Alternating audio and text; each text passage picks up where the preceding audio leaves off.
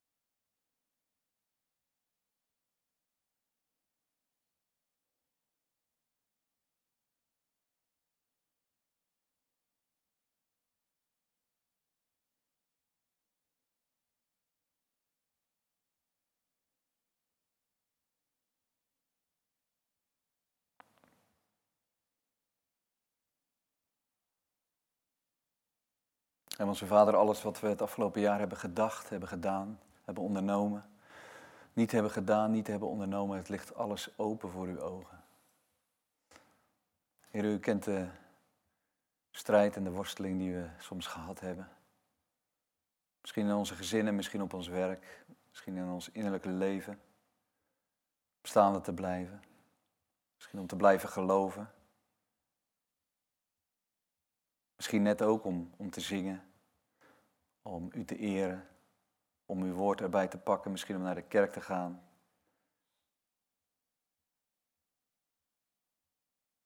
We weten, Heer, wat ons energie heeft gekost, waar we moe van zijn geworden, wat ons misschien uitknijpt soms.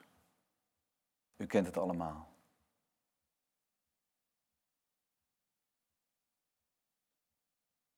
Heer, maar hier zijn we.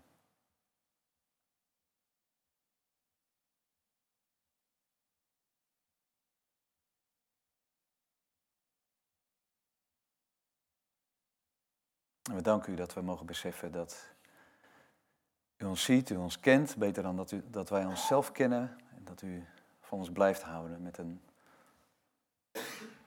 onvoorstelbare liefde. Dat u met genade naar ons kijkt, met bewogenheid. Dat u geduld met ons heeft. Dat u het in ons wil doen door uw geest. Dat u zoveel dingen wil overnemen die we maar moeilijk uit handen kunnen geven. Dat u ons het vertrouwen wil schenken dat de dingen goed komen, omdat u goed bent en omdat u erover gaat. Dat u ons niet verlaat, dat u ons niet links laat liggen.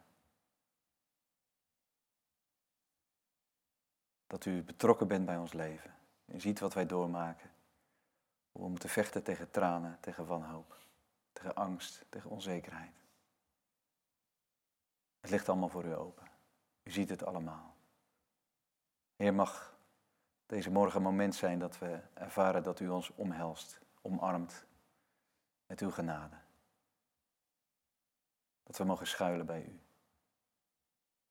Dat we mogen weten, Heer, dat het goed is tussen u en ons, om wat Jezus voor ons deed. Heer, spreek zo tot ons, Heer, vanmorgen. Door de liederen, door de stilte heen, de gebeden, door uw woord. Vul ons hart, Heer, met het goede wat u voor ons heeft. We willen u vertrouwen. We willen volgend jaar meer van u houden. We willen u volgend jaar meer volgen. Maar we kunnen dat niet. U kunt dat wel. U kunt ons veroveren. U kunt ons hart veroveren, Heer. Totdat het volledig van u is. En we zullen leven waartoe we bestemd zijn. Heer, spreek zo vanmorgen tot ons, Heer. Woorden die u alleen kunt zeggen, die u alleen kunt spreken. Bemoedig ons. Troost ons. Zend ons uw licht en uw waarheid. In Jezus' naam. Amen. Nog drie dagen, lieve mensen, dan is het 2020. Echt een science fiction getal. En uh, de kranten die staan weer vol jaaroverzichten wat er afgelopen jaar in onze wereld is gebeurd. Maar vroeg ik me deze week af, wat is het voor jaar voor ons als gemeente geweest, als gemeenschap? Nou, iedereen zal dat individueel natuurlijk weer anders beantwoorden. Voor sommigen van ons is het een verdrietig, een heel verdrietig jaar geweest. Denk aan het ziek worden en het overlijden van Dana. Wat een gat heeft dat geslagen bij Martin en bij de kinderen en bij ons als gemeente. En ook bij ons persoonlijk heeft dat er heel diep ingehakt dit afgelopen jaar. Maar er is nog meer verlies geweest bij sommigen van ons die een vader of een moeder hebben moeten begraven. Soms veel te jong. Mensen die 2019 hebben ervaren als een jaar met gemis, met verdriet, met pijn, met zorgen misschien over kinderen of over je werk of over je relatie. Met angst of onzekerheid over de toekomst.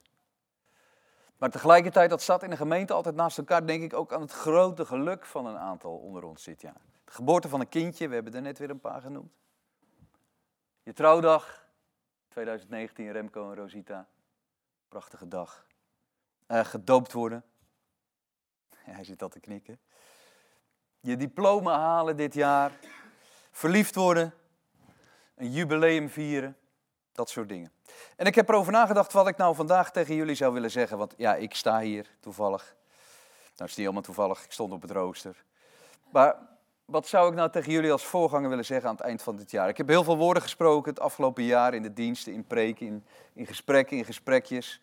En daarin opnieuw geprobeerd om de Bijbel tot leven te brengen. Iets te laten zien van Gods grote liefde voor ons en zijn geweldige plan met ons leven, met deze wereld. En dat heb ik natuurlijk niet alleen gedaan. Veel sprekers van binnen onze gemeente, van buiten de gemeente hebben dat ook gedaan. En ik ben ook heel dankbaar voor wat zij ons hebben gebracht. Maar wat ik vandaag heel graag tegen jullie zou willen zeggen, is dat ik zo dankbaar ben voor wat ik van jullie mocht krijgen, wat ik van jullie mocht zien aan, aan mooie dingen, aan liefdevolle dingen, aan, aan zorg, aan toewijding, aan het goede. En het is zo'n groot cadeau om deel te mogen uitmaken van een gemeenschap als Caleb, die, die zo samen optrekt. En ik kan me geen betere plek wensen dan hier in jullie midden. En ik, ben het echt, ik, ik weet, ik ben een beetje sentimenteel, maar ik, ik bedoel het goed. ik ben ontzettend dankbaar om weer een jaar met jullie te hebben mogen optrekken. En de brieven van Paulus die staan vol met aanmoedigingen, staan vol met aansporingen en waarschuwingen. En we hebben ze ook gelezen dit jaar. Maar er staan ook heel wat complimenten in, heel wat bemoedigingen in. En aan meerdere gemeenten schrijft Paulus dan dat hij dankbaar is en trots is op de liefde die er is in verschillende gemeentes. En dat die groeit, dat die groter wordt. Nou, gisteren las ik nog een artikel van een religieonderzoeker uit Nederland. Die vertelde dat de, de kerk als gemeenschap onder grote druk staat. Waarom? Omdat mensen nog wel op zoek zijn naar zingeving, maar steeds meer ja, op eigen houtje. Dat is onder invloed van de doorgaande individualisering. En dat leidt ertoe dat er steeds minder mensen nog lid van een kerk worden, maar ja, meer zo af en toe ergens komen en dan we wat verder trekken, al naar gelang hun behoeften. En dat lidmaatschap in een gemeente niet zoveel meer zegt, dat zien we ook in onze gemeente wel. Maar tegelijkertijd ben ik ontzettend dankbaar dat ik afgelopen jaar wel degelijk mocht ervaren deel uit te maken van de gemeenschap die er voor elkaar wil zijn. Ook bijvoorbeeld toen Arine plotseling ziek werd in september. Ja, heeft dat ons ontzettend goed gedaan. Dat er zoveel mensen dan om ons heen staan om voor ons te bidden en ons te bemoedigen.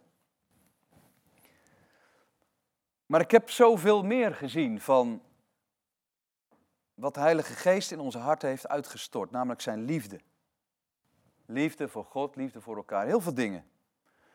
En heel veel dingen zien we natuurlijk ook niet, maar als je er soms bij bent, dan is dat hartverwarmend en, en zo versterkend en zo bemoedigend voor je geloof.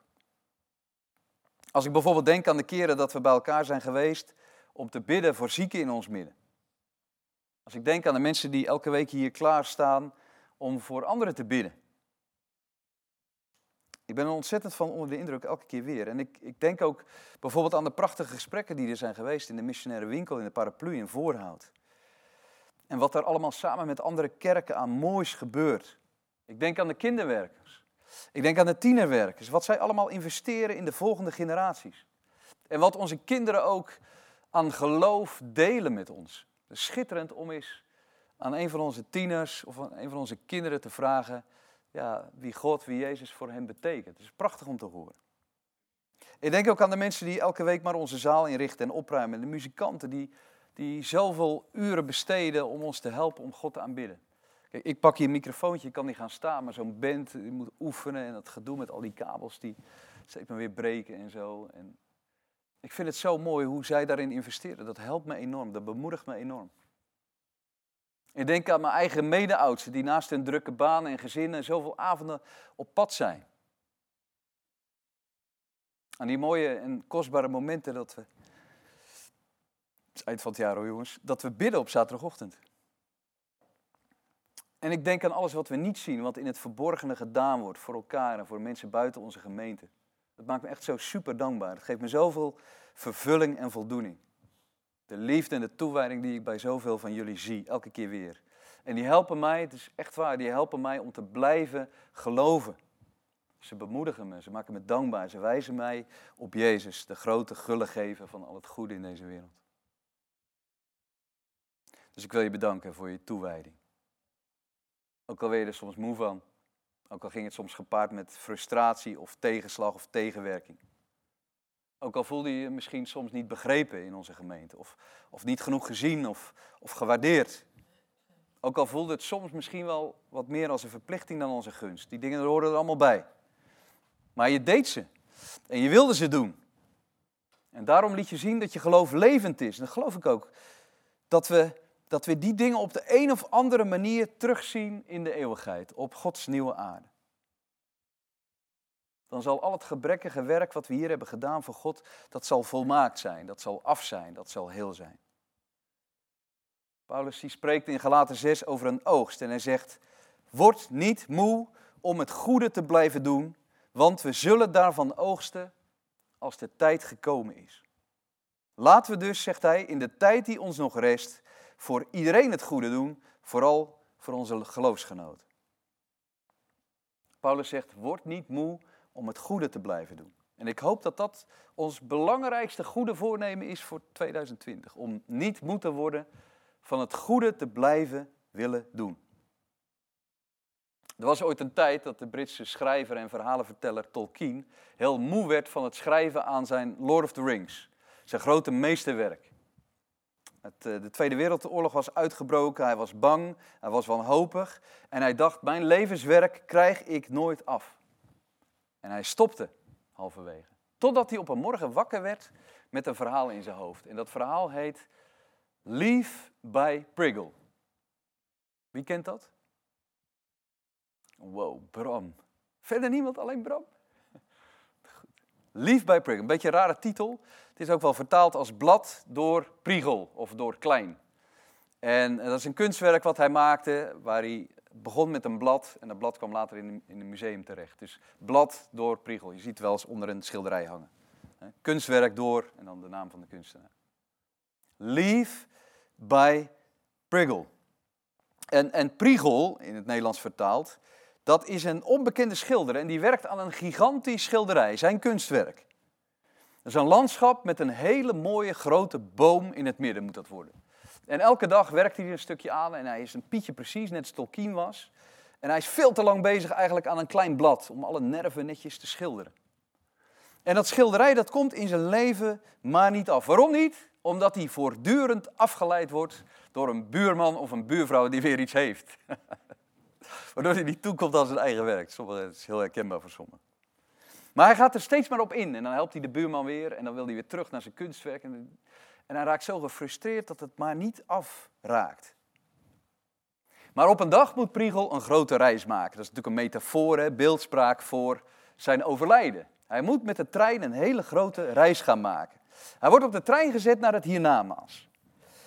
Nou, en op aarde lezen we dan dat er van zijn kunstwerk niet veel overblijft. Het wordt in een museumpje gehangen, ergens in een hoekje, en dat brandt tot de grond toe af. tot het blad bij Priggle, dat brandt tot de grond toe af. Er blijft eigenlijk niet zoveel van over. Maar het verhaal is nog niet afgelopen, want als hij dan in de hemelse werkelijkheid komt, een hemels landschap, dan komt hij in een landschap met prachtige bomen en bergen en alles. Dan hoort Priegel twee stemmen tot zich spreken. En de eerste stem is de stem van gerechtigheid. En die zegt heel streng, uh, Priegel heeft veel van zijn tijd verspild en hij heeft maar weinig bereikt in zijn leven. Stemmetje hoor ik ook wel eens. Te veel genetflixt. maar dan hoort hij ook nog een tweede stem en die is veel vriendelijker en dat is de stem van genade. En die zegt in het verhaal dat Priegel zich bewust heeft opgeofferd voor anderen, soms ten koste van zijn eigen kunstwerk, maar dat hij daarom een beloning verdient. En als Priegel dan in een van de buitenwijken van het hemelse land komt, dan ziet hij iets ongelooflijks. En dan staat er bijna aan het einde van het sprookje dit, en ik, ik lees even voor. Dan ziet hij de boom. Zijn boom waar nog maar een paar blaadjes van geschilderd waren. En die was helemaal volgroeid, met bladeren die zich ontvouwden, takken die groeiden en bogen in de wind, die Priegel zo vaak had gevoeld of vermoed en zo vaak niet had kunnen vastleggen. En dan staat er, hij staarde naar de boom en langzaam hief hij zijn armen op en zei, het is een geschenk. Nou, misschien voel je je soms ook wel eens een priegel of een prutser in de dingen die je doet. Ik wel tenminste. Maar zo'n verhaal en dat wat Paulus zegt, dat geeft me nieuwe moed. En het geeft me nieuwe kracht en nieuw verlangen om niet op te houden, om nooit moe te worden van het goede te doen. Als ik weet dat hoe klein of hoe ongezien of hoe onbetekenend het hier op aarde allemaal lijkt wat ik uitvoer, in Gods wereld zal al het goede wat je hier ooit hebt willen doen, dat zal helemaal volgroeid zijn. En waarschijnlijk veel groter en veel echter dan je ooit had durven dromen.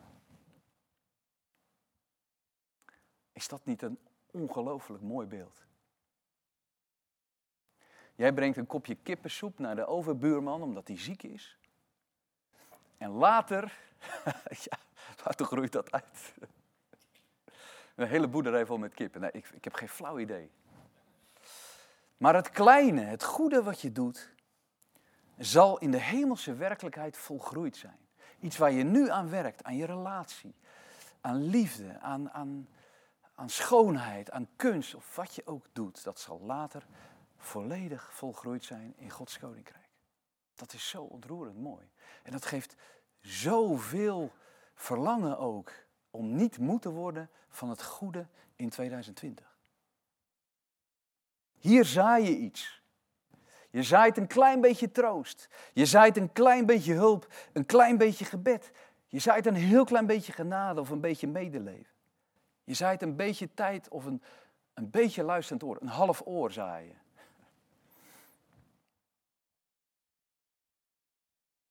En dat lijkt misschien klein. Daar lijkt misschien niemand van onder de indruk te zijn. Misschien ziet niemand het.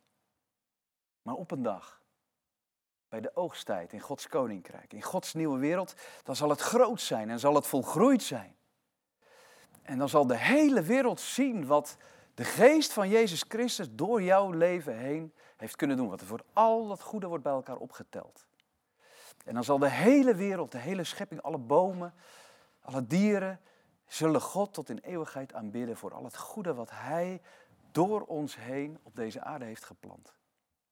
Als een mosterdzaadje, wat heel klein begint en daarna een boom is voor vogels om in te schuilen. Word nooit moe om het goede te doen, zegt Paulus. Al is het nog maar heel klein, ooit zal het volgroeid zijn. Wat een bemoedigende gedachte voor 2020. Dus wat ik tegen je wil zeggen is dank je wel voor alles wat je hebt laten zien aan het goede in onze gemeenschap en buiten onze gemeenschap. Ik groei ervan. Ik blijf daardoor geloven, omdat ik God aan het werk zie in ons midden. En tegelijkertijd word niet moe om het goede te blijven doen in 2020. Laat Gods goedheid door je heen werken, zodat we ook volgend jaar er weer kunnen zijn. Voor degene die naast je zit en degene in onze gemeenschap die buiten onze gemeente is en die het nodig heeft. Wat is er mooier dan je in te zetten voor het goede. Het goede dat van God komt. Het goede dat Gods geest in ons hart plant. Wat heel klein is, maar ooit volgroeid zal zijn. Ik kijk naar uit naar 2020. En ik wil het zo doen, zoals we dat elk jaar doen, want ik hou van tradities. Er staan daar een paar vaccines. Sommige mensen komen speciaal voor het vaccine liggen. Ik denk, laat die preek maar zitten, doe die, lampjes maar. Ja, ik zie je kijken, G. We gaan zo een lied zingen. Ik wil vragen of de band zo meteen naar voren wil komen. Dat lied gaan we zingen. Wil je in stilte je voorbereiden op een gebed? En dat mag zijn voor iemand die je mist. Dat mag zijn voor iemand aan wie je denkt. Het mag ook een gebed zijn dat God je nieuwe kracht geeft om het goede te doen, ook al is het nog maar heel klein. Om het verder te laten groeien in je leven. En dan mag je dat ondersteunen met het aansteken van een vaccinelicht. Je mag je naar voren komen mag je hem aansteken aan die kaars daar, die staat voor het licht van Christus. Want we hebben dat goede niet uit onszelf. Gods liefde is in onze harten uitgestort door de Heilige Geest. Het is de geest van God die het goede in ons werkt. En daarna mag je dat kaarsje daar neerzetten, gebed uitspreken in stilte. En dan mag je weer naar je plaats gaan. Ik wil je vragen, even voor de goede orde, als je een kaarsje hebt aangestoken, zet hem zo ver mogelijk naar achteren. Als je hem vooraan zet, dan staat de mouw van je degene die na je komt, die staat in de fik. Ik kan wel weer iets goeds doen om een emmer water te halen, maar bedenk even van tevoren dat we dat samen doen. Zullen we stil worden? Ik wil vragen of de band naar voren wil gaan. Zingen we gewoon dat lied. Tijdens dat lied mag je naar voren komen. Sluit je ogen en spreek tot God.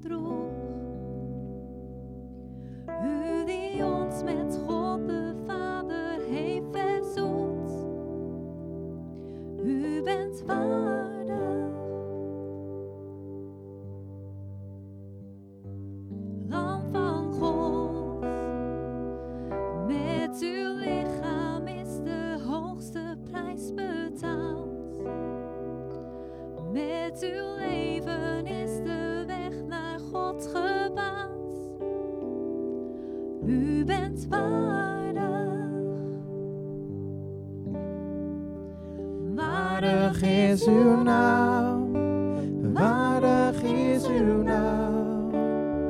Hemel en aarde zingen halleluja. Waardig is uw naam, waardig is uw naam. Jezus, u zij de glorie.